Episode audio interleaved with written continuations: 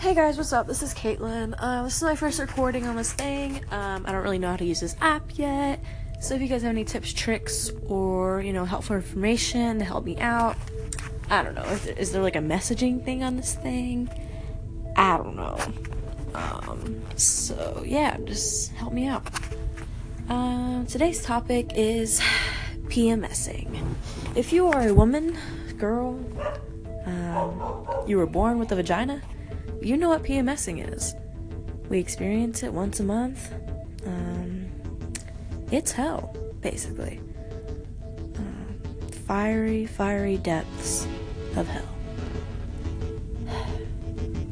You know you're PMSing when you go to Subway and you order your favorite sandwich that you've been craving for three weeks straight. You finally get it in your hands. Everything's the same. And then you bite into it and it tastes like shit. It tastes like a dirty sock that a 14 year old football player just whipped off his foot. Okay? That's what it tastes like when you're PMSing. And then you walk up to the counter and they're out of chocolate chip cookies. What a surprise. What a freaking surprise. The one day you go to Subway and they're out of cookies.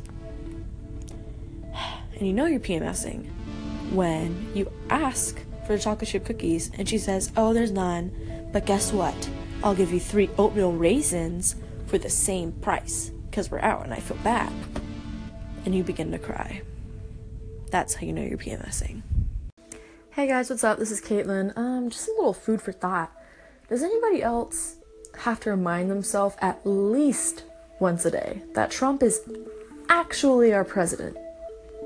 Donald Trump, President of the United States. really, when he first started running, I thought it was a joke. I thought it was some kind of crazy publicity stunt to raise him more money. Sadly, it was not. Now we're stuck with this idiot who has no idea what he's doing, no interest in politics, really. I bet he thought it'd be some kind of fun job where he could just relax and make laws and make fun of people and, you know, destroy the morale of all American people. Ruin people's lives. Okay, that's all I have to say. I just, I just really hate Trump. Do you ever feel stuck? Stuck in the same routine, the same cycle of boring events over and over and over again? Because I sure as hell do. I wake up, eat the same cheap brand of cereal, you know, like knockoff Fruity Pebbles or something. Drink a cup of coffee, maybe. Uh, drive to work. Sit there for about mm, eight hours of the day doing literally nothing productive. Driving home. Sitting through traffic for an hour, hating my life. Cursing at other strangers. Playing words with friends at red lights. And then I walk in the door to my house. No one's there waiting for me. No welcome home party. No dinner ready on the table.